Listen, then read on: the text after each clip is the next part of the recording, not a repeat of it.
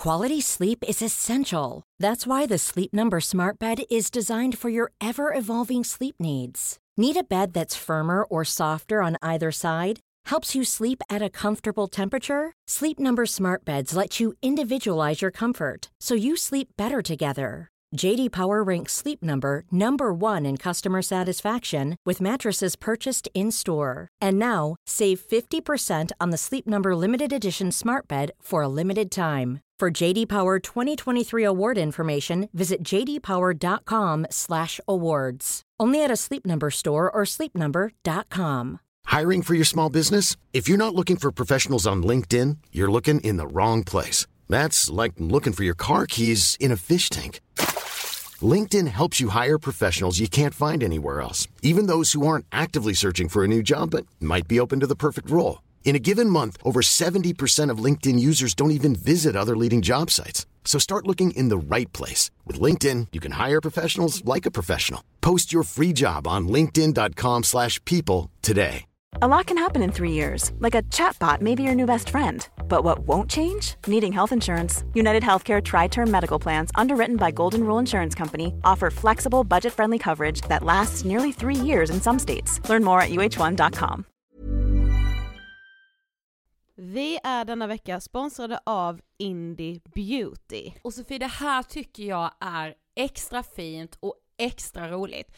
Ja men Indie Beauty är ju ett skönhetsvarumärke som jag tror att väldigt många känner till, men det jag älskar mest det är att Indie Beauty liksom vill vara mer än bara produkter, vilket de ju också är. Exakt, Indie Beauty står ju för Independent Beauty, skönhet på dina villkor och för din egen skull.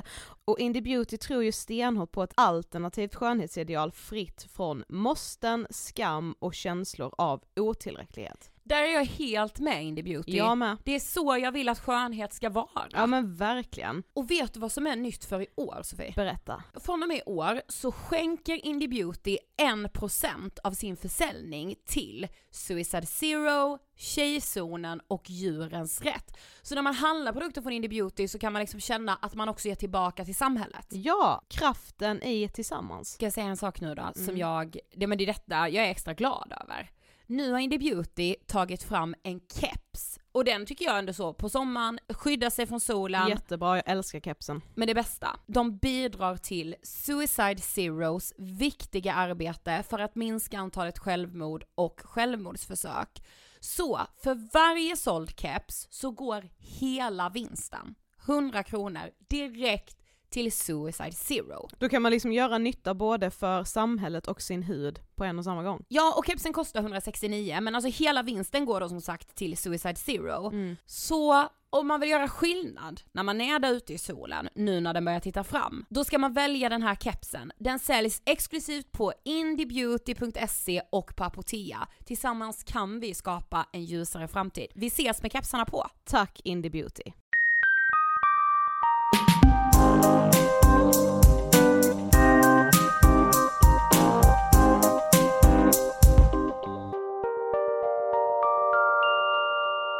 Hej allihopa och välkomna till avsnitt 314 av Ångestpodden och fortsättningen på vår serie Vi måste prata om sekter. Jag tycker det är jätteskönt att liksom vara tillbaka i den på något sätt. Ja, Dels för att det är så intressant och avsnitten tidigare har blivit så uppskattade.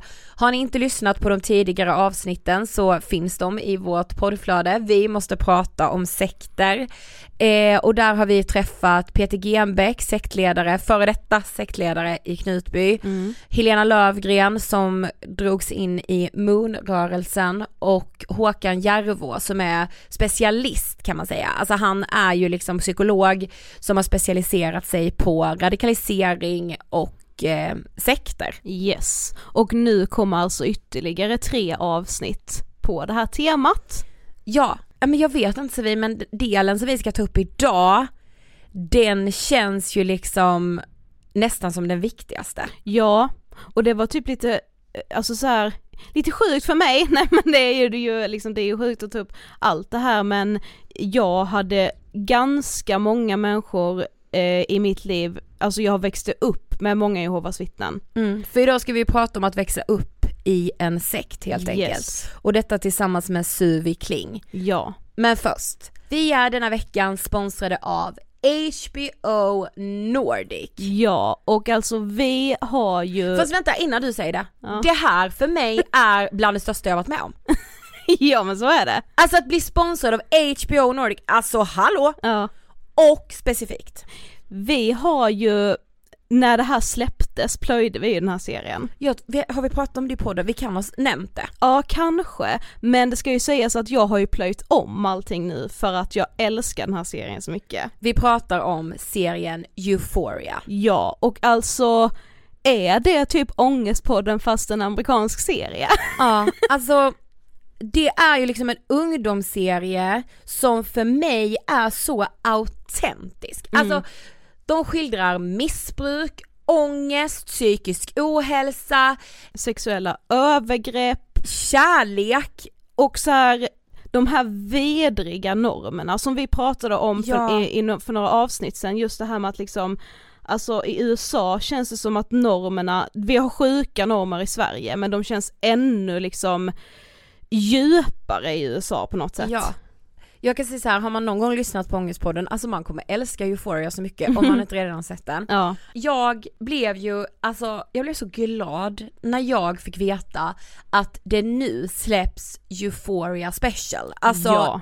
extra avsnitt. För så här, det, det har ju alltså släppts en säsong Ja. på åtta avsnitt. Det kommer en säsong två, men innan säsong två släpps kommer det alltså nu två extra avsnitt. Ja och alltså de här avsnitten kommer liksom fungera som en bro mellan första säsongen och andra säsongen. Mm. Och jag måste bara säga, jag har sett det första extra avsnittet. Jag med. Alltså, det är så sjukt för jag, jag satt, när jag kollade på det så satt jag och tänkte, är det här bland det bästa skådespelet jag har sett i hela alltså. mitt liv? För det är som att de har tagit en lång scen i en tagning, ja men det är som att jag sitter och tittar live på teater Jag när jag vet. ser det. Nej men alltså dokumentär för fan. Ja. Det känns dokumentärt. Ja. Men också så här, det jag också är helt golvad av, Mm. som jag minns alltså från avsnitt ett, musiksättningen. Ja, Musiken, alltså varenda liten melodi, varenda liten så här.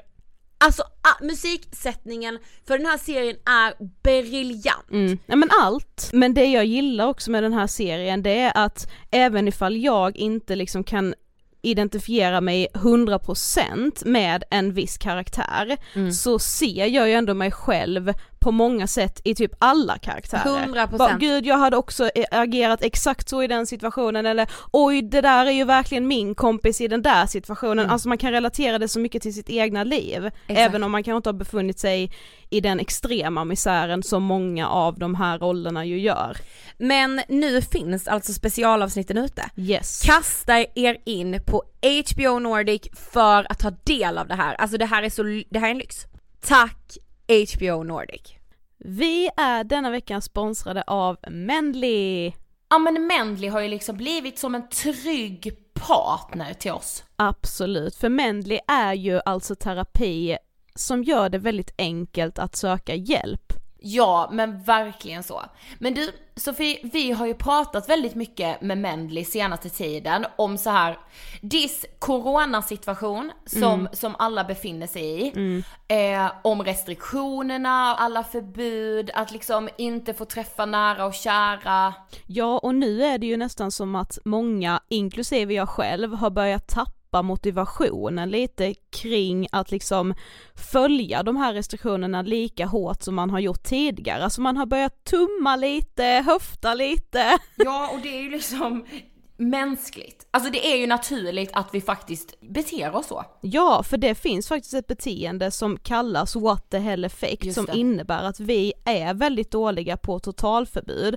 Alltså att hålla sig till totalförbud det fungerar bara när hjärnan är på skaft och när motivationen är väldigt, väldigt hög. Och det är ju svårt att hålla uppen motivation under så här lång tid som vi nu har blivit tvungna att göra. Ja men det känns med så lätt, alltså detta gäller ju dig och mig med, men alltså det känns ju väldigt lätt att börja tumma på saker. Precis. Alltså, du vet helt plötsligt står man i mataffären och bara nej men vänta då kan jag gå ut och äta också. Mm, precis. Och vi har ju pratat lite med Mandy då om att så här, men hur ska vi göra för att fortsätta ja men hålla uppe motivationen och liksom påminna varandra om att det är viktigt att följa restriktionerna och vad det faktiskt kan göra för skillnad. Och det första tipset, det är kort och gott, vaccinet är i sikte. Det där är min största motivationsgrej måste jag faktiskt säga själv. Mm, verkligen. Och sen är det också viktigt att påminna sig själv om varför restriktionerna finns och sen också att hitta saker där man själv är känslomässigt involverad, alltså typ så här, ja men att inte tänka på att skydda den riskgruppen i det stora hela utan att då istället tänka vilka människor har jag i riskgrupp eller vilka människor har jag som jag vill skydda för då blir det lite enklare att hålla uppe motivationen. Det kan ju typ låta egoistiskt men det är så det mänskliga psyket funkar.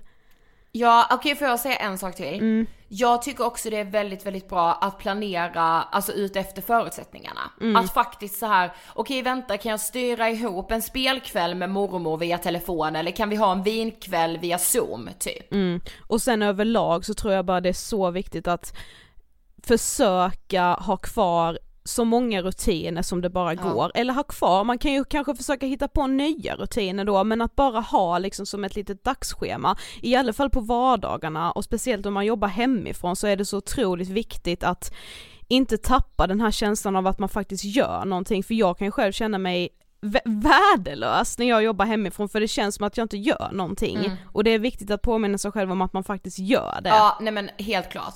Vet du, jag tyckte det var väldigt bra att vi kom med de här tipsen tillsammans med Mendley. Jag med. Tack Mendley. I den här fjärde delen av poddserien träffar vi Suvi Kling. Hej Suvi och varmt välkommen till Ångestpodden! Hej, tack så hemskt mycket. Om än på lite distans i dessa ja. tider. Hon föddes och uppfostrades in i Jehovas vittnen och redan som femåring kunde hon bibeln utan och innan. Jag är 41 år gammal, eh, små, småbarnsmamma. Från Umeå, jag är ursprungligen från eh, Kalajoki i Finland där jag mm. föddes. Tidigt började hon leva ett dubbelliv och som ung vuxen blev hon utesluten ur gemenskapen. Min uppväxt eh, var ju väldigt präglad av eh, Jehovas vittnens tro. Alltså jag tror någonstans att jag varit två veckor gammal när jag var i rikets sal första gången. Mm. Vi var sex barn. Vi var sex syskon och jag var yngst av alla. Och jag tror att eh, tre gånger i veckan har vi gått på mötena så länge jag minns. Så att jag minns ingen, ingen annan barndom än barndom som Jehovas vittne. Jehovas vittnen är en religiös organisation Samfundet blev 1995 omnämnd som en sekt i svensk lagstiftning. Men idag är det ett registrerat trossamfund. Många verkar dock vara rörande överens om att Jehovas vittnen är just en sekt. Många avhoppare vittnar om en organisation präglad av bestraffningar och kontroll. Det var ju ett ris i hallen ovanför spegeln björkris som påminnelse för alla oss små barn att vi skulle sitta still. Uh, ja, det minns jag som lite så här, mm. dramatiskt ja. hemskt.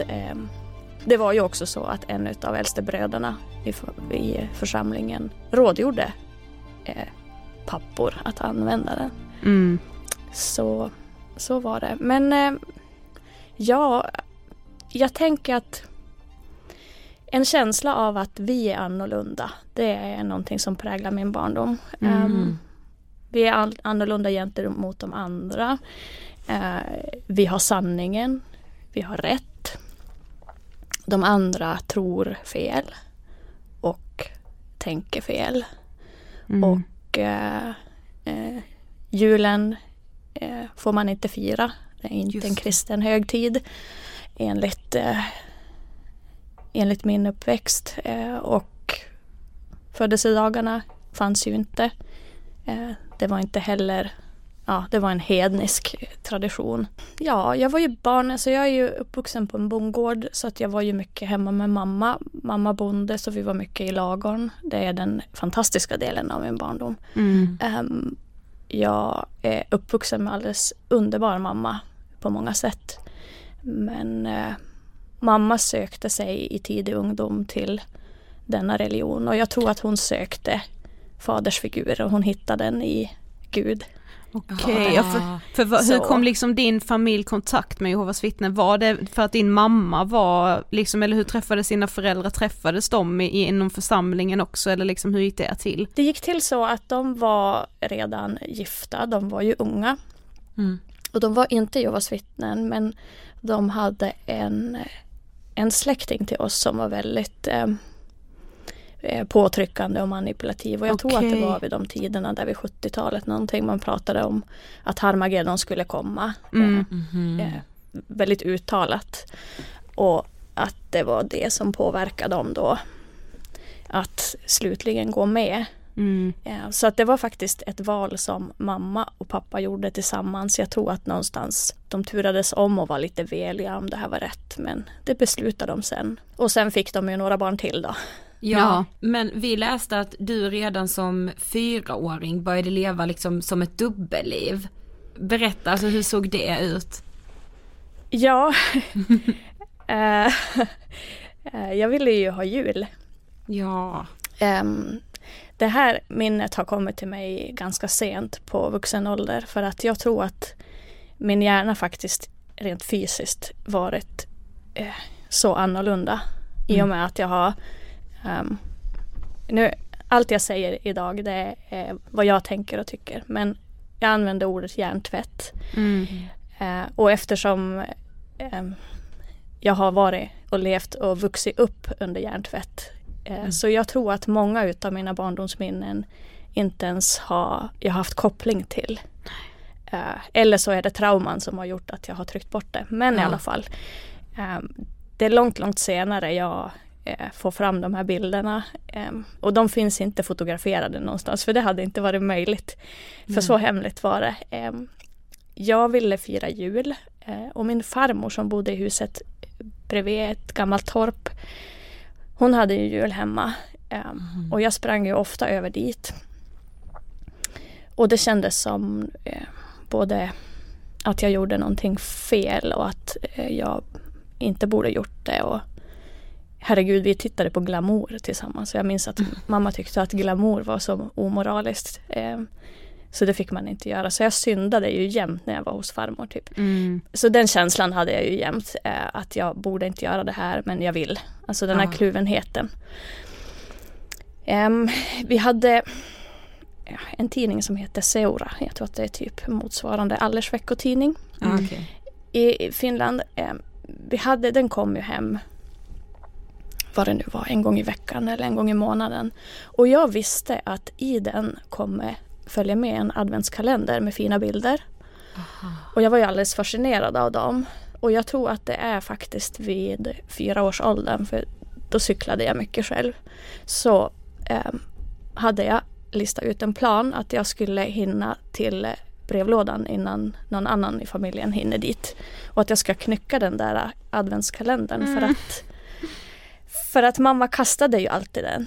Eh, och hon kastade ju den så att jag såg, alltså jag hade som Vi hade haft x antal bråk Mm. om den. För jag minns också att jag eh, gråter och vill ha julkalender men jag förstår inte då att jag inte får ha det. Men när jag är stor nog att börja på förstå eh, att eh, jag skulle kunna ha en annan plan så genomför jag den planen helt enkelt. Så jag cyklar iväg en halv kilometer till brevlådan. Det var långt och det är fortfarande långt. Det- Ja. Brevlådan ligger på samma ställe. Ehm, och jag lyckades. Eh, Jag hade både adventskalender i min byrålåda och jag hade snott glitter och en julgranskula som var guldig. Eh, Jag tror att det var en guldig kotte eller vad det var. Typ den finaste jag ja, hade sett. Ja. Och jag snodde dem från farmor och jag hade ångest över det. För då hade jag stulit. Så ja, Ida och Sofie, vi kan prata om ångest länge. Ja. Ehm, Men Ja. bilden blir så tydlig, alltså man ser ju verkligen dig som fyraåring framför sig och vill bara liksom rädda den fyraåringen på något sätt. Men för de som inte vet liksom hur ser grundtron inom Jehovas vittnen ut och hur, liksom, hur ser strukturerna ut i församlingen? eh, ja, strukturen är ju eh, gammaldags hierarkisk som eh, eh, patriarkal struktur. Ja. Eh, den bygger på att eh, Gud är högst överst och Jesus kommer sen i ordningen och sen eh, under det ligger äldstebröderna i församlingen, de som har det uppdraget. Mm. Eh, och sen kommer män och sen kommer kvinnor och barn då, längst ner. Mm. Ehm, om man tänker utifrån liksom eh, genus och Mm. Könsmaktsordning Mm. eh, sett. Så det är det som är ordningen eh, som man på olika sätt ska följa Mm. eh, genom olika regler. Eh, sen förr i tiden fanns det just tre möten tre gånger i veckan. Nu vet jag att eh, jag tror att de har möten två gånger i veckan men jag kan ha fel. Eh, att det är något möte som har minskats. Och jag vet inte riktigt hur det görs i coronatider och så. Jag Mm. har ju kommit en, en bit. Jag följer inte aktivt. Jag har, eh, ja, jag, Mm. jag har som ett annat liv idag. Mm. Men eh, så, så jag berättar utifrån hur det var då. Mm, eh, Ja, såklart. Fram tills i alla fall 2005 Mm. vad jag vet. Och sen lite, lite efter också. Mm. För jag velade ju också innan jag själv tog ett aktivt beslut att gå ur. Ehm, Ja. Det tog Men- några år. Men jag tänker, alltså vad är det man tror på? Alltså utgår det från Vad det är man tror på. Ja, just det. Ja. Ehm, ehm, det är så att ehm, man utgår ifrån Bibeln. Ehm, Ja. Man tror på Gud och Jesus. Eh, Man tror att Guds namn är Jehova, om man använder det. Eh, Man tror på att eh, vi lever under de sista tiderna nu Okej. och att de är väldigt nära. Och att alla möjliga olika, både naturkatastrofer och kriser talar om det, att det är de sista tiderna vi lever. Ehm, Man väntar på Harmageddon som är Guds krig där eh, Gud kommer att eh, ja, döda alla som eh, inte tror som Jehovas vittnen. I princip är det så. Men eh, det är ju därför de försöker rädda alla nu. Mm. För att eh, det är ju eh, Människor är fina. Det är inte det jag opponerar mig mot. Jag, jag tänker att läran är osund Mm. och att, att det är det. Så att eh, någonstans är det ju väldigt fin tanke från början men eh, för mig för mig känns det som en ganska naiv tanke samtidigt också. Men, men i alla fall, de eh, går ut och knackar dörr. Eh, kanske idag sk- skickar de brev eller ringer Mm. i hopp om att eh, ja, att lyssna. Alltså hitta de som lyssnar och få börja starta bibelstudium med dem. Mm. Och att de till slut ska döpa sig. För att det är som ett döpt vittne som du har då möjligheten till evigt liv i paradiset på Aha. jorden. Så att de, eh, de väntar inte på en plats i himlen som många andra religioner kanske gör utan det handlar om mer om eh, att man tror att eh, eh, paradiset fanns här på jorden en gång i tiden Okej. i Mellanöstern mellan Eufrat och Tigris som det står i Bibeln. Så att det är en liksom, bokstavlig plats och att eh, planen för, eh, för Gud var att alla människor skulle leva för evigt eh, friska utan sjukdom och utan död Mm. här på jorden. Mhm. Och att den planen ska återupprättas. Och att alla som följer då Jehova kommer att räddas. Det är kort och gott men Mm. Sen Det- följer ju med många, många eh, detaljregler Ja, som man då såklart. påverkas av. Men när man läser i intervjuer med dig så får man en bild av att du var väldigt rädd under din barndom, alltså att dina föräldrar nästan skrämde upp dig, alltså dels med det här riset ovanför spegeln i hallen men alltså med andra saker också, ja men typ som jordens undergång liksom, men, men hur var det? Ja, så var det. Jag, eh, jag är både uppvuxen med, med bra mat och omvårdnad. Alltså det är, det är inte så. Eh, också kärlek. Men jag är uppvuxen med att eh, onda andar, demoner, Satan eh, och Gud och allt det här är verkligt. Mm. Allt det här som vem som helst eh, eh, skulle kunna eh, få skrivet i sina papper att man lider av någon form av förföljelsemani eller, Mm. um, eller annat, uh, annan psykisk åkomma. Mm. Uh, jag var rädd för demoner. Jag har alltid varit rädd. Idag är jag inte rädd. Uh, Nej. men jag var alltid rädd för demoner när jag var liten. Jag Mm. trodde att de skulle komma och ta mig om jag gjort något fel. Usch. Eh, jag, eh, men lugn, jag tror att jag lärde mig ganska tidigt att uh, ni vet betingarreflex. Ja. Att vänta nu, nu måste jag testa, händer det någonting? Nej, det hände inget. Mm. Det är ju så barn gör. Så någonstans mina parallella jag, olika jag, vet att det hände ändå inget. Och det är Nej, därför precis. jag har fortsatt med, med dubbelliv. Mm. Ah. Ehm, men eh, det blir ju jobbigt till slut för att eh, det går ju inte heller leva på det sättet. Nej. Att, eh, att leva på ett sätt i rikets sal eh, och med mamma och pappa och så på ett sätt med kompisar och på skolan. Så att det här följde ju egentligen mig sen hela barndomen och mitt vuxna liv och ja, men alla förväntningar och alla liksom rutor som jag skulle passa in i Mm. enligt precis. dem och som jag kände någonstans att jag inte riktigt passade in i. Mm. Jag gjorde väl så eh, till, en, till en viss del men, men på något sätt så sprack det ju alltid.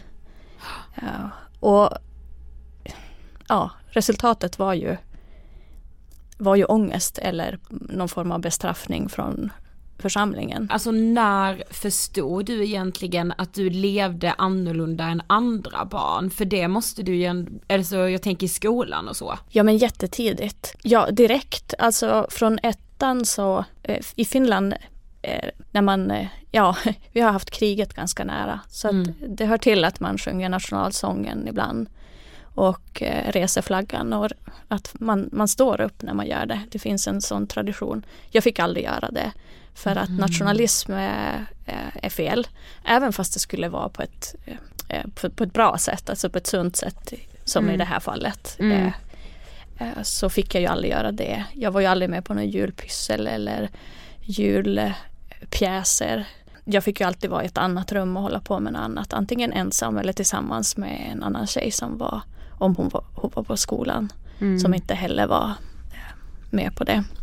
Okej. Så eh, nej men direkt, alltså som sagt det här att vi är olika det, det börjar tidigt. Mm. Och skolan följer ju de där reglerna som föräldrarna har satt. Att man inte fått att man inte får vara med. Mm. Eh, Men det var ju som så kul för jag har ganska bra minne så att jag kommer ihåg alla, alla pjäser och alla, alla repliker och allting. Så jag hade kunnat jobba som en sån där, vad kallar man dem som viskar? Ja, ja precis. En sån som eh, liksom om någon tappar tråden så kastar man ut manuset liksom. Ja men exakt. För Ja. att, eh, för att, och jag, jag vet inte riktigt om det är bra eller dåligt. för att i mitt fall så, eh, så händer ju det att när man inte får tänka på de där rosa elefanterna så det enda de gör, de springer Ja, i rummet. Liksom. Exakt. Precis. Ehm, ja, väldigt, väldigt annorlunda Mm. har jag ju känt mig. Mm. Jag tror att idag bär jag med mig det fortfarande för att jag känner mig aldrig riktigt hemma någonstans.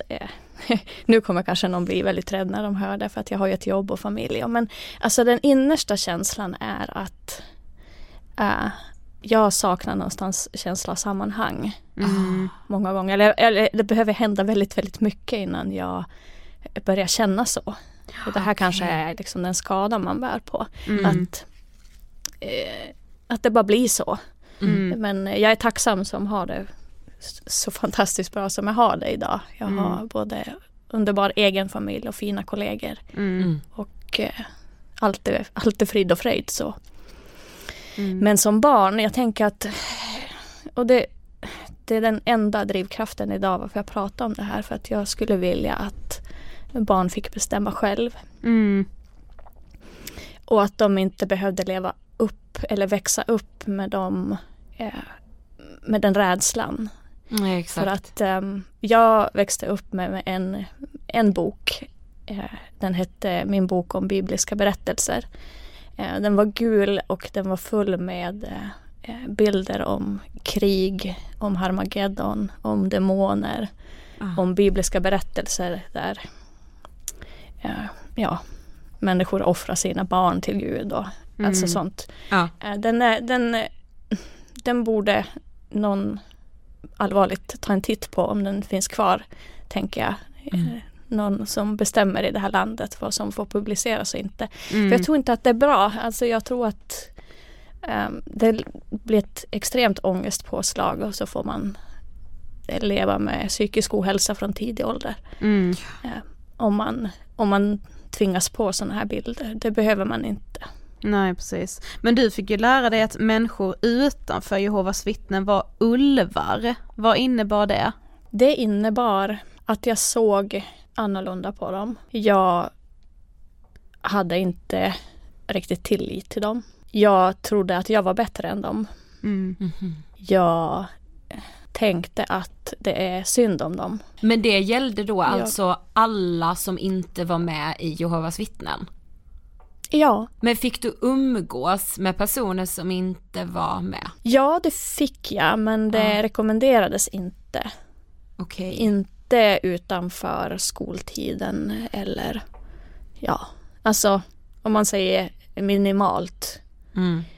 Och under den tiden så skulle man försöka att eh, påverka dem till att lyssna på sanningen. Mhm. Och att kanske få dem att besöka möten eller åminnelse för Jesus död som man har en gång per år dit man bjuder mycket folk och så. Mm.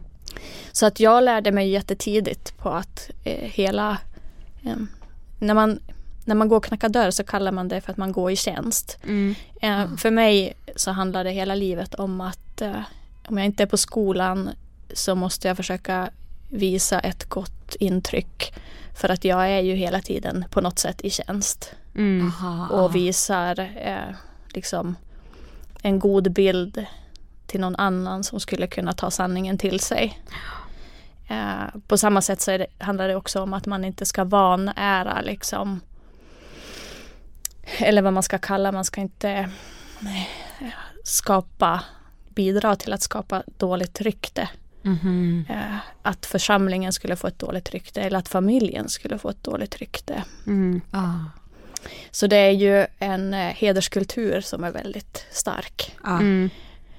Men för många är ju Jehovas vittnen väldigt starkt förknippat med just den här dörrknackningen som du har nämnt nu flera gånger. Alltså när börjar man göra det? Alltså knackar man dörr även när man är ett litet barn liksom?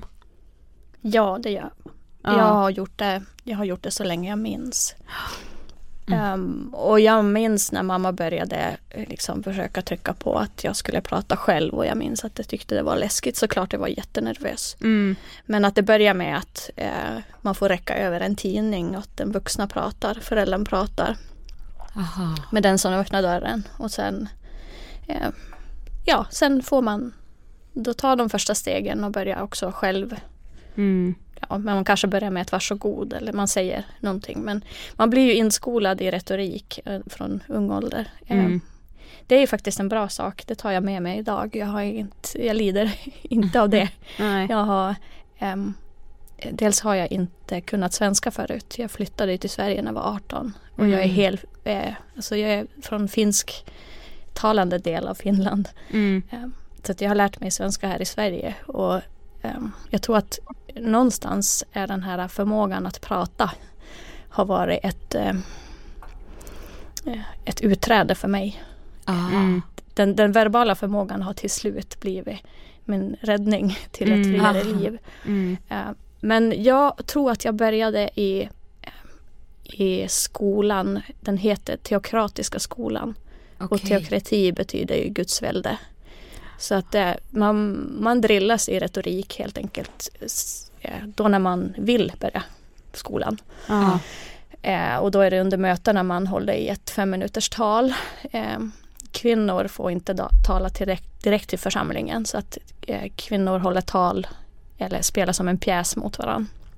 Aha. Eh, och den är fem minuter lång. Det är den enda gången kvinnor talar till församlingen inom Ja. Jehovas vittnen. Um, men jag började ju med det när jag var åtta år. Oj. Men vet du att du har liksom, har, har du så här rekryterat någon till er försam den församlingen som du var med i eller fick du någonsin någon kompis att följa med till rikets sal och så? Ja, alltså ja, det fick jag. Um, Jag fick det, men jag tror inte att någon har döpt sig idag. Jag, Nej. uh, jag tänker jag tänker utifrån mig själv att jag hoppas inte det.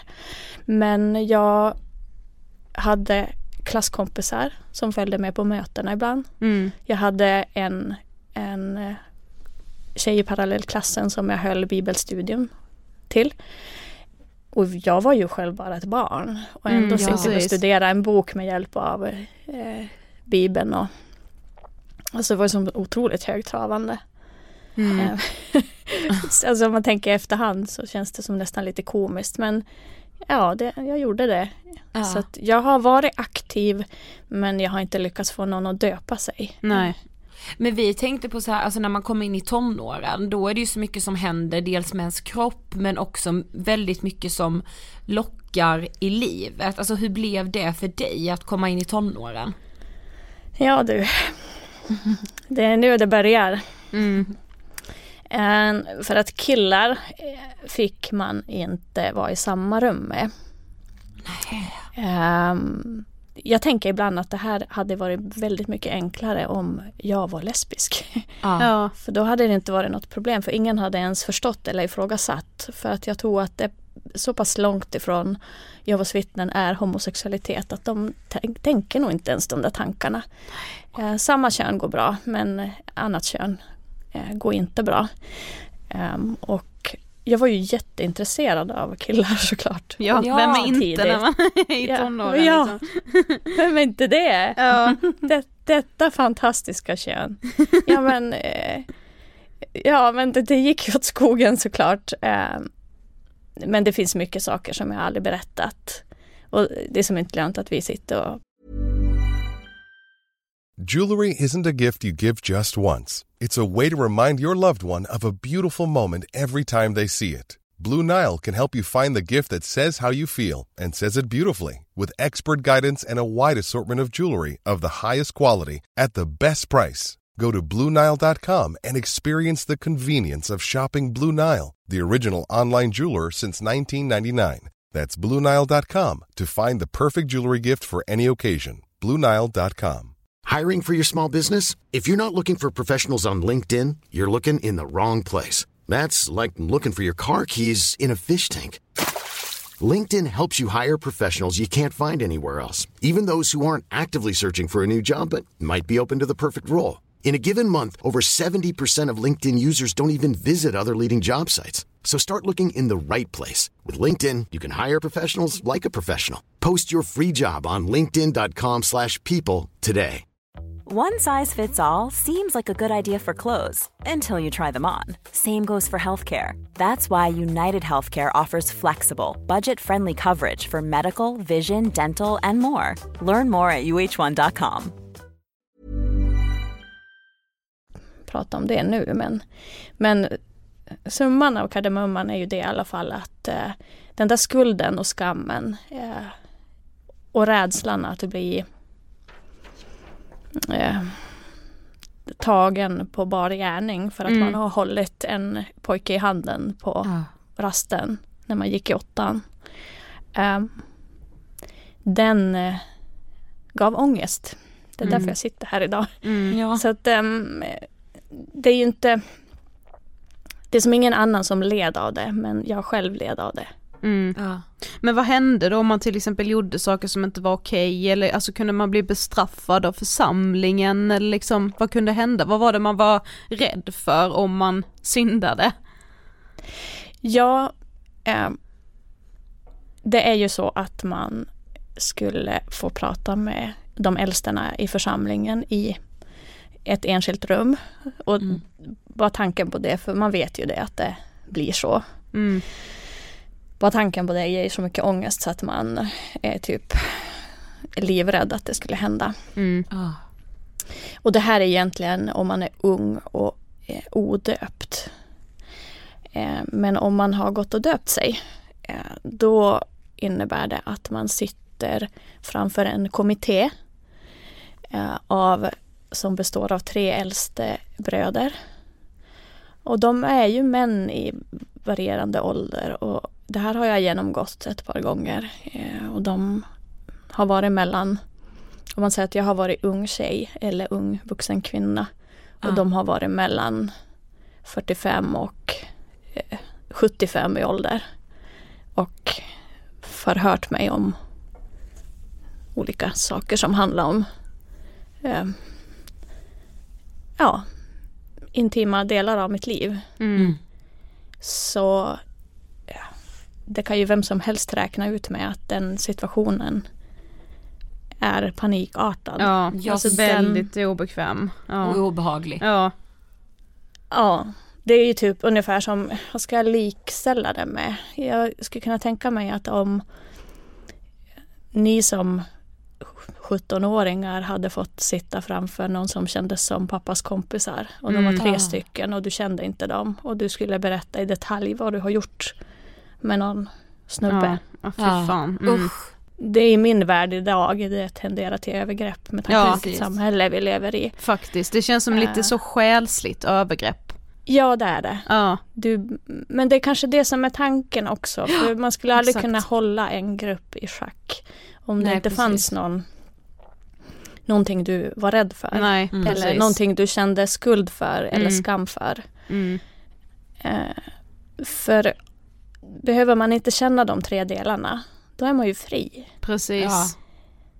Och det är friheten man inte ska få ha.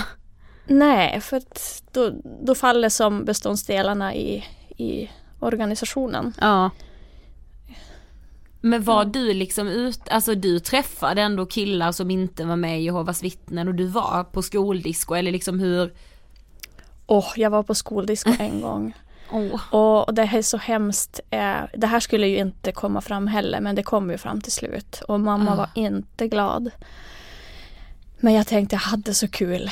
Alltså det var så otroligt roligt. Eh, jag minns hur det doftade. Jag minns hur lamporna var. Jag minns hur eh, vad folk hade på sig. Alltså jag minns ju allting Mm. i detalj från den kvällen.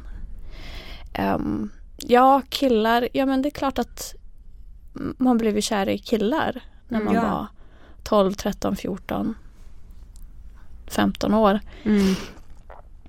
Och det var ju ofta på skolan jag träffade dem för att jag ja, träffade dem inte annars. Om det inte var i rikets sal. Ja. Där tyckte jag ju i och för sig att en pojke var söt men då var jag, då var jag lite mindre med. Jag tror att det jag var nog säkert kanske 8-9 år. Så det hände ju inte så mycket då men det var, ja, det var på skolan. Men hur, men liksom, ja men sen att du gick på disco ändå eller liksom var lite så rebellisk, hur, hur påverkade det din relation med din familj? Alltså blev de liksom jättebesvikna eller kunde, kunde de också så förstå varför du ville gå på disco eller var liksom tron för dem starkare än din liksom vilja? Nej, de kunde inte förstå det. Ehm, Eller åtminstone har de aldrig någonsin medlat till mig att ehm, vi förstår att det här är svårt. För jag tror att det skulle ta bort lite grann botten av hela grejen. Eh, det, det ska inte tänkas olika. Det ska inte kritiseras religion. Det är rätt, det är sanningen. Mm. Eh, Så det finns liksom inte det här att eh, "Åh, vi vet att det är svårt men kom igen nu, försök. Alltså det, de orden har aldrig uttalats utan har jag gjort fel så har jag fått antingen utegångsförbud eller utskällning eller eh, ja det här är svårt men eh, att jag har eh, blivit fysiskt misshandlad Mm. Eh, det är inte så svårt för mig men det, det finns andra också som lever fortfarande. Mm. Ehm, ja, på olika sätt så har man ju både hört och känt och Ja. fått förstå att det man har gjort är fel. Mm. Och till slut så blir det ju så mycket fel man gör så att man börjar på vara fel. Mm. Alltså jag är Ja, fel. precis. Men du drömde ju också om att bli läkare, du slutade nian, då hade du toppbetyg. Vad hände? Mamma sa att, ehm, att den nya världen kommer när som helst. Jag gick ut alltså 95. Ja. Gick jag ut till nian. Det är ett tag sedan. Eh, Ja, Då än var så länge har det inte hänt något. Nej, nej. Och det... Så kommer det förbli. Eh, Mm. Men eh, nej, mamma övertalade mig till att välja en kortare skola. Kan inte du snälla göra det? Det är inte så mycket längre eh, tid kvar. Och du kan ju hitta något enklare jobb och så kan du liksom satsa på att gå i tjänst och använda tid till det och till viktigare saker. Och, Mm. ja, det var ju ofta så. Man vädjade till att man skulle göra någonting viktigare, någonting bättre och någonting mer betydelsefullt. Mm. Eh, och att i den nya världen finns det ändå inga sjukdomar och död, det behövs inga läkare. Eh, så Mm. ja, mitt, alltså min intresse för hälsa, det har ju inte försvunnit men det blev ingen läkare av mig. Jag tror att jag har Jag började plugga när jag var 26. Då började jag på folkhögskolan här i Umeå. Och eh, det är då min hjärna riktigt börjar ändras. Så att jag tänker att, att det här att man inte uppmuntrar till högre studier, att det finns också en tanke bakom det. För att eh, det hjälper ju kritiskt tänkande Ja, Mm. precis. och eh, ja, man lär sig ifrågasätta och eh, man lär sig att vara källkritisk och, och så. Så att Mm. eh, jag började ju plugga då och då började det hända saker på riktigt med min hjärna. Mm. Så att eh, ja, Men ungefär du... så. Jag Ja. fi- fick inte plugga, jag brukar säga det. Men ja. Ja. sen fick jag det när jag själv bestämde det till Mm. slut. Men när du är 18 år gammal så träffar du en kille som också är ett vittne och du blir kär i honom och ni gifter er till och med. Berätta. Ja, eh, ja, man gör det. Det finns som inget alternativ. Eh, man, eh, eh, man måste gifta sig om man ska ha sex med varann. Man får inte ha sex före äktenskap. Nej. Och ofta kan det ju vara kanske det som är väldigt drivande kraft i det här. Det är klart vi var ju jättekär i varann och vi skulle ju leva med varann. Mm. Så var det också tänkt. Det är ingenting annat som var planerat då. Ehm, så att det är inte bara för, för eh, sex och närhet utan det, det skulle vara på riktigt. Mm. Ja. Men jag tänker nu efterhand att som 18-åring så kanske man inte känner sig själv så väl. Nej. åtminstone gjorde inte jag det. Och jag har fortfarande under lång tid efter letat efter liksom vem är jag? Mm. Eftersom mitt, mitt jag var så nedtryckt. Mm, men vi, vi gifte oss typ en vecka efter hans 18-årsdag. Jag hade fyllt i 18 några månader innan. Och det höll i sju år ungefär. En Mm. väldigt fin människa på alla sätt. Ja. Men eh, jag... Jag levde inget bra. Jag, jag var inte ärlig mot mig själv eller andra. Och jag tror att jag inte hade heller gift mig med rätt människa. Eller om det handlade bara om mina liksom parallella beteenden utifrån Mm. det här just, just det som jag alltid hade behövt göra. Mm. Ja. Precis. Eller det som jag var van att göra. Jag vet faktiskt inte. Det är som en... Det blir ju som en härva till slut. Ja, precis. Såklart. Men sen när de här, som du sa, ni var efter sju år då, då blir du kär i någon annan som inte är med i Jehovas vittne. Alltså vad, är, vad händer då? Ja, det händer ju att man blir kär. Ja. Men, sen och det blev är det... ju härligt. Sen, det var jättehärligt. Ehm, Men han var ju jättetjurig. Så han Mm. tyckte ju all, inte alls att det här var någon sanning. För att jag hade blivit utesluten från församlingen. Men jag tog ju fortfarande hela tron och alltihopa i försvar. Okej. För någonstans har ju jag också haft en, ett jag som trodde på det. Mm. Ehm, Jag hade ju inte varit med där annars så länge. Men eh, vad ska jag säga? När jag pratar om parallella jag så menar jag att jag visade inte med mina gärningar att jag trodde på det. Alltså det fanns liksom en tro. Eh, men jag gjorde inte så. Så att Mm. på det sättet tycker jag att jag själv levde ganska oärligt. Mm. Men i alla fall så jag försökte på något sätt övertyga honom om att, att det här är rätt. Ja du försökte få honom att bli ett vittne Ja också. men herregud. Ja. Ni hör ju. Mm. Men, men blev du Ja. utesluten för att du hade blivit kär i någon som inte var ett vittne eller varför blev du utesluten? Ja, jag blev utesluten för att jag inledde ett förhållande med, Ja. med den här killen och att vi var tillsammans. Mm. Han, eh, jag tror ett, ett litet tack till honom idag. Eh, Jag tror Ja. att vid olika skeden av livet kan man missbruka förhållanden. Mm. Man vet inte att man gör det då. Men de fyller en funktion men de eh, kan inte fortgå för att de... Jag var inte där. Nej. Jag var, eh, jag var för långt ifrån mig själv. Jag tror inte att jag älskade mig själv. Eh, jag håller på att jobba på det idag. Mm. Apropå det här att hur det blir när man lever med ångest för länge och man känner att man till slut blir fel. Mm. Så är det, är det ju faktiskt så att man inte själv tycker så mycket om sig själv heller. Men hade du, när du blev liksom utesluten från Jehovas, var det så att din familj, alltså hade du någon kontakt med din familj då? Nej, jag hade ju ingen eh, kvar av familjen. Eh, eller vänner som jag hade haft tidigare. Eh, jag hade två superfina kollegor som Mm. jag tror jag pratade för så att ö- öronen måste ha blött.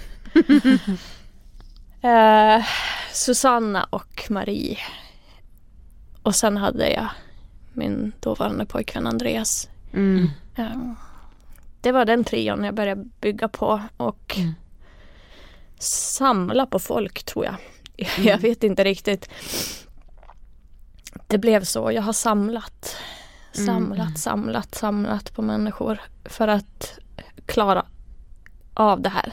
Mm. Ja. Men under hela den här tiden så är du ju fortfarande liksom, du har ju fortfarande en tro om att så här, Jehovas vittnen är liksom den rätta tron och du kämpar ju väldigt mycket för att få komma tillbaka till församlingen också och det får du ju också efter tre och ett halvt års kämpande. Alltså hur, hur var Ja. det då? Ja, det här är ju en, en tid som är väldigt kluven. Mm. Ehm, jag är i en relation och är väldigt kär och ehm, men det är väldigt stormigt så i känslor och jojo fram Mm. och tillbaks. Mm. Jag försöker ju övertyga min pojkvän om att, att eh, Jehovas vittnen har sanningen. Mm.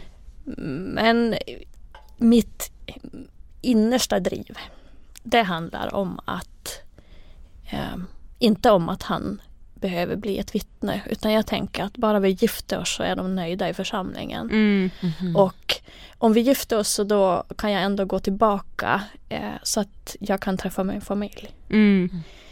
Där är mina drivkrafter. Det handlar inte om att jag tror på eh, en ny värld, en paradis på jorden eller jag tror på Jehovas vittnens lära. Det har ingenting med det att göra. Det har att göra med att jag blir utpressad på sociala relationer Ja, min exakt. familj. Eh, och därför vill jag tillbaka eh, för att överleva. Mm. Em, jag pluggar under tiden också så att jag börjar på få fler vänner. Eh, en av mina absoluta bästa klasskompisar, eh, han är transvestit. Mm. Och jag tänker att det finns ingen gud i världen som skulle straffa denna fantastiska Nej. människa. Det är helt omöjligt för vi Ja. har så kul ihop. Vi håller i shower och vi sjunger och vi ehm, gör allt möjligt, håller på med musik. Mm. Ja, det, det, jag börjar komma ut ur garderoben här känner jag. Mm. Ja. Eh, och livet börjar ljusna på något sätt. Så att det börjar klarna för mig mer och mer. eh, också vad jag varit med om. Mm. Eh, jag förklarar för mamma att eh, Jehovas vittnens litteratur handlar om att de sätter sina egna mot varandra. Alltså jag börjar liksom förstå Mm. eh, vad som har hänt. Eftersom det handlar också om att i litteraturen sägs det att, att eh, man kan ha dåligt sällskap inom församlingen.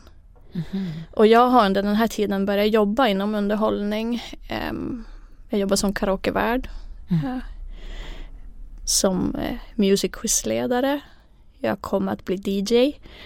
Ehm, och jag går alltså tillfälligt tillbaka till församlingen på papper.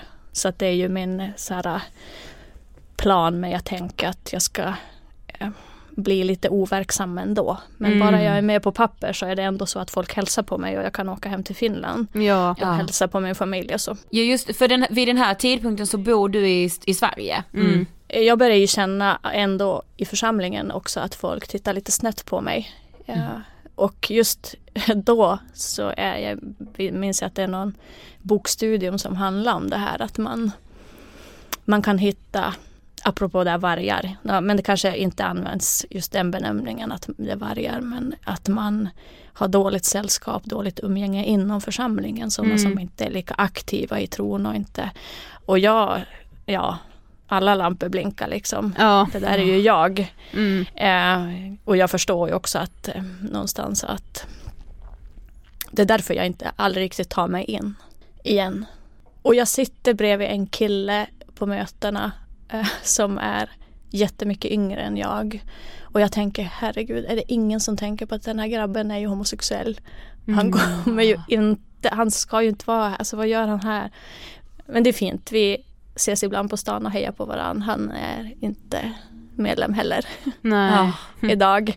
Men det var som vi två som satt där. Eh, sen sedermera har jag ju pluggat vidare på universitetet och lärt mig, alltså läst psykologi och stämplingsteorier och sånt. Så jag förstår att eh, vi matchade som inte gänget. Nej. Jag satt där och men jag, jag hörde inte dit längre. Men då skriver du något slags utträdesbrev, alltså hur går det till? Eh, ja, jag skriver ju ett brev för att jag klarar inte av att eh, utsätta mig för en till kommitté. Nej såklart. Eh, som är som en intern slags rättegång. Mm. Så jag väljer att skriva ett brev. Jag minns inte exakt vad jag skriver men jag skriver att jag eh, lider av trauman. Jag skriver att jag inte tror som ni lär ut. Jag tror inte att det är bra för människor att eh, utsättas för sånt här. Och att jag är frisk och kry när jag skriver det här. Mm. Det här är mitt eget val. Jag Ja. eh, vill eh, jag vill gå ur. Mm. Eh, och man brukar faktiskt få en, ett besök en gång per år. Om man är utesluten. Och då av äldste bröder. Och jag vet att de kommer besöka mig om jag inte skriver att jag vill aldrig ta emot besök. Så jag skriver också att jag eh, om jag skulle komma på andra tankar då är det jag som kontaktar er. Mm. Jag vill, jag vill inte bli kontaktad och så skriver jag jag önskar er allt gott. Ah. Eh, och där slutar mitt liv. Det dåvarande livet. Alltså Mm. Med allt som har varit. Ja för vad händer då? Hur reagerar församlingen? Hur reagerar din familj? Alltså vad händer?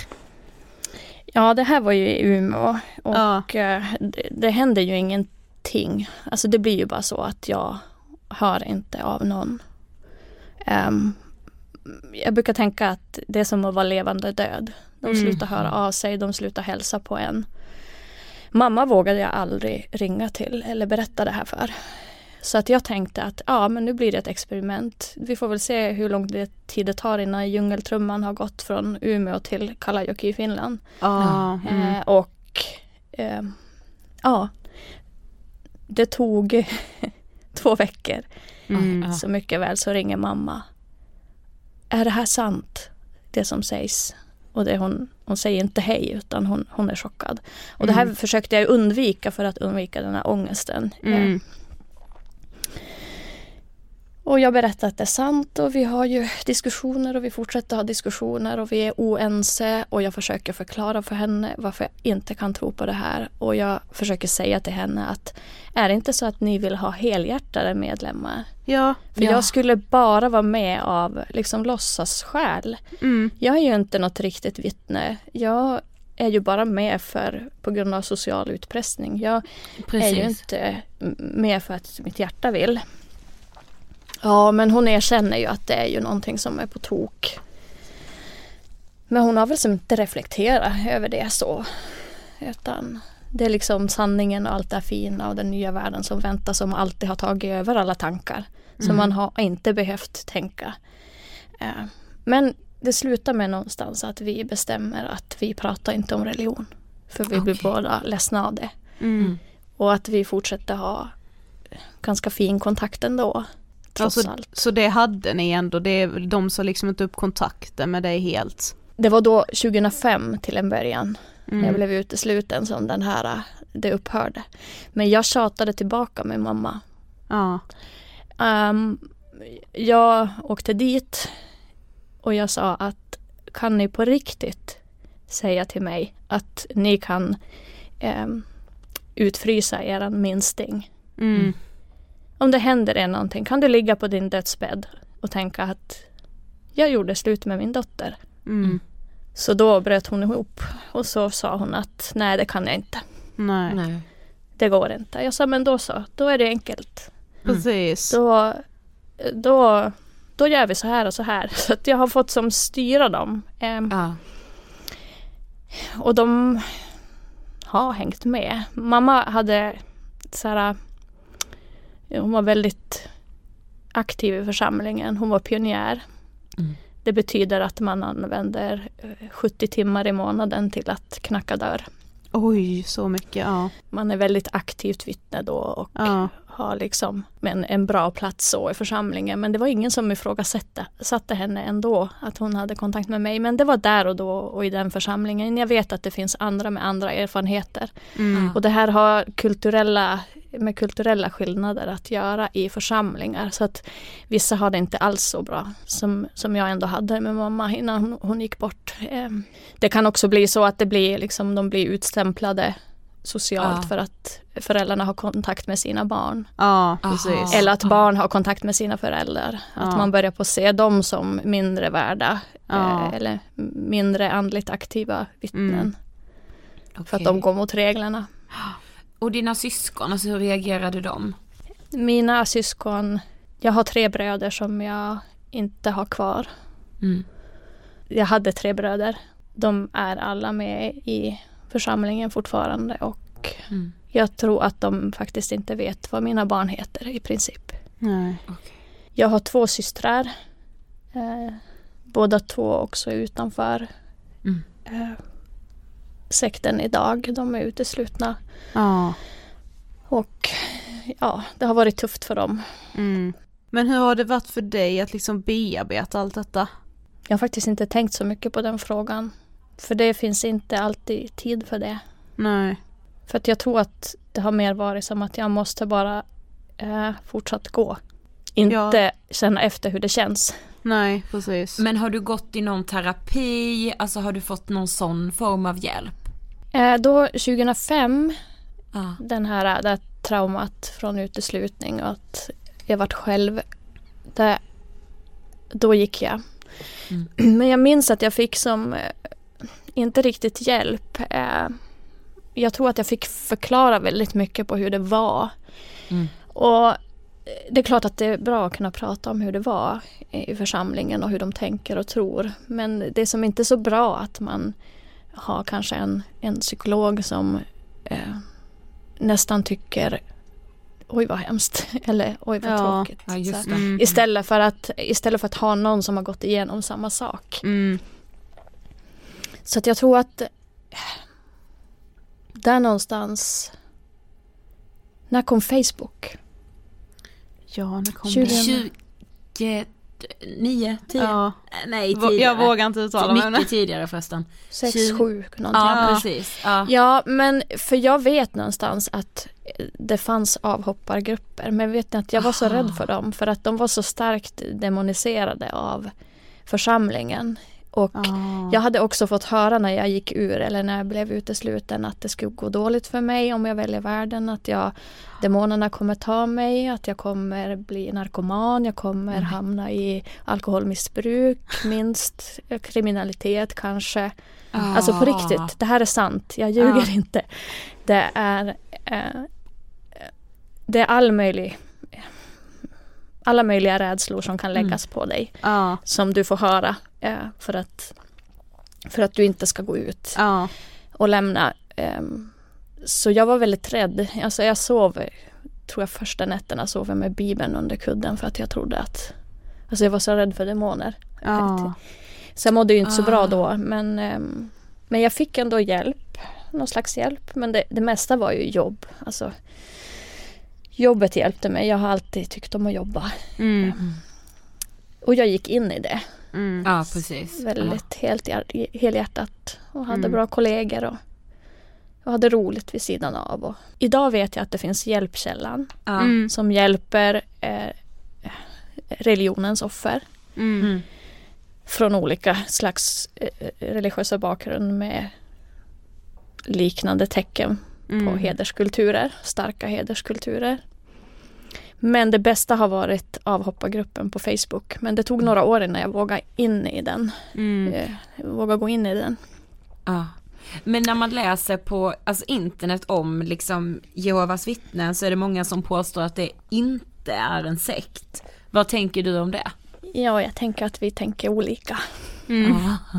Jag kan på något sätt förstå deras bild också. Att de tror att det inte är det.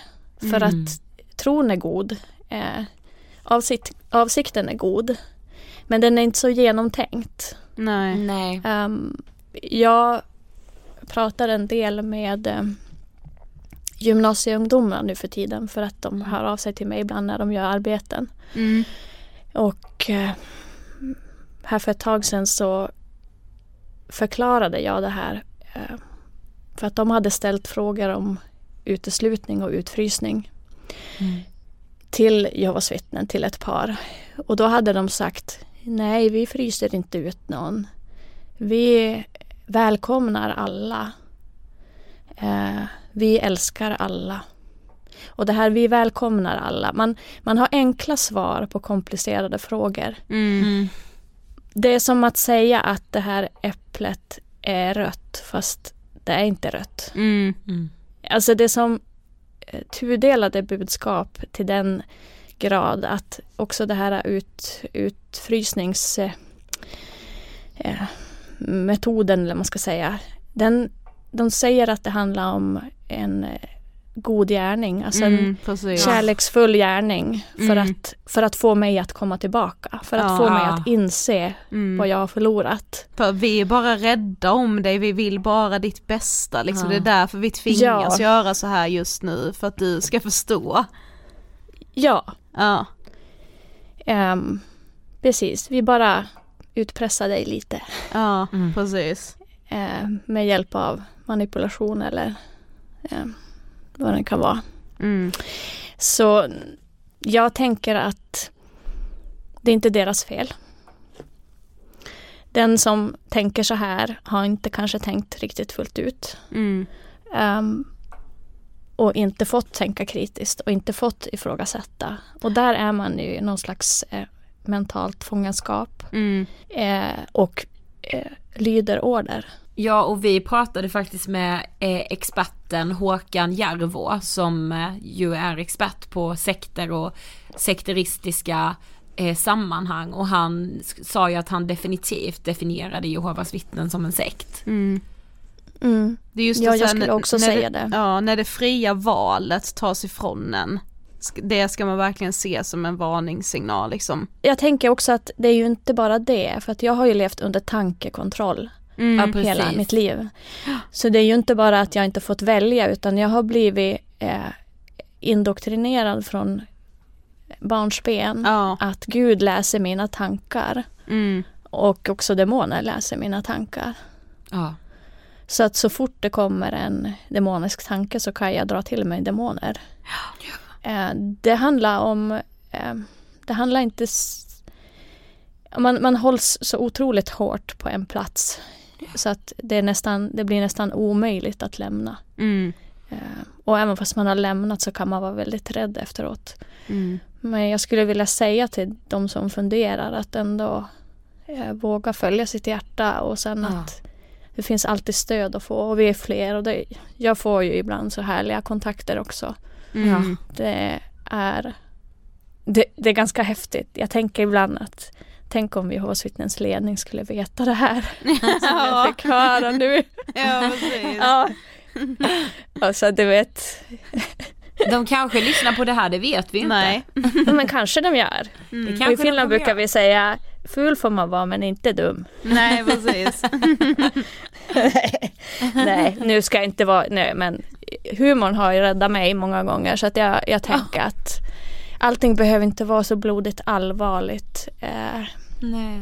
det måste finnas eh, frihet och det måste finnas eh, utrymme för att kunna andas och ha kul och Mm. att inte bli dömd och fördömd för allt man gör. Alltså Nej, livet exakt. kan ju inte gå ut på det. Det, det är helt omöjligt. Mm. Ja, Ja. tiden har fullkomligt sprungit iväg här nu. Så vi måste ta det. sista frågan. Vad inspirerar dig? Oj, vilken svår fråga. Det är så mycket som inspirerar mig. Eh, jag blir inspirerad av glada människor. Eh, av energi, av musik, av eh, framtidstro och av glädje rent allmänt. Nej, men skogen. Alltså jag har gått mycket i skogen under de här åren och Mm.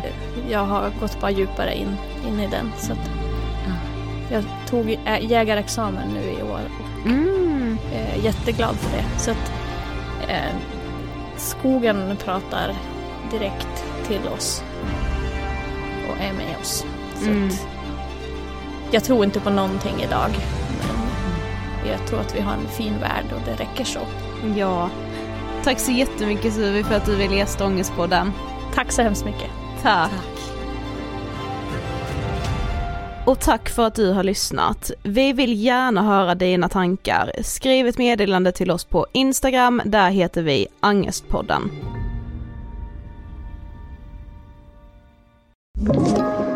Podplay,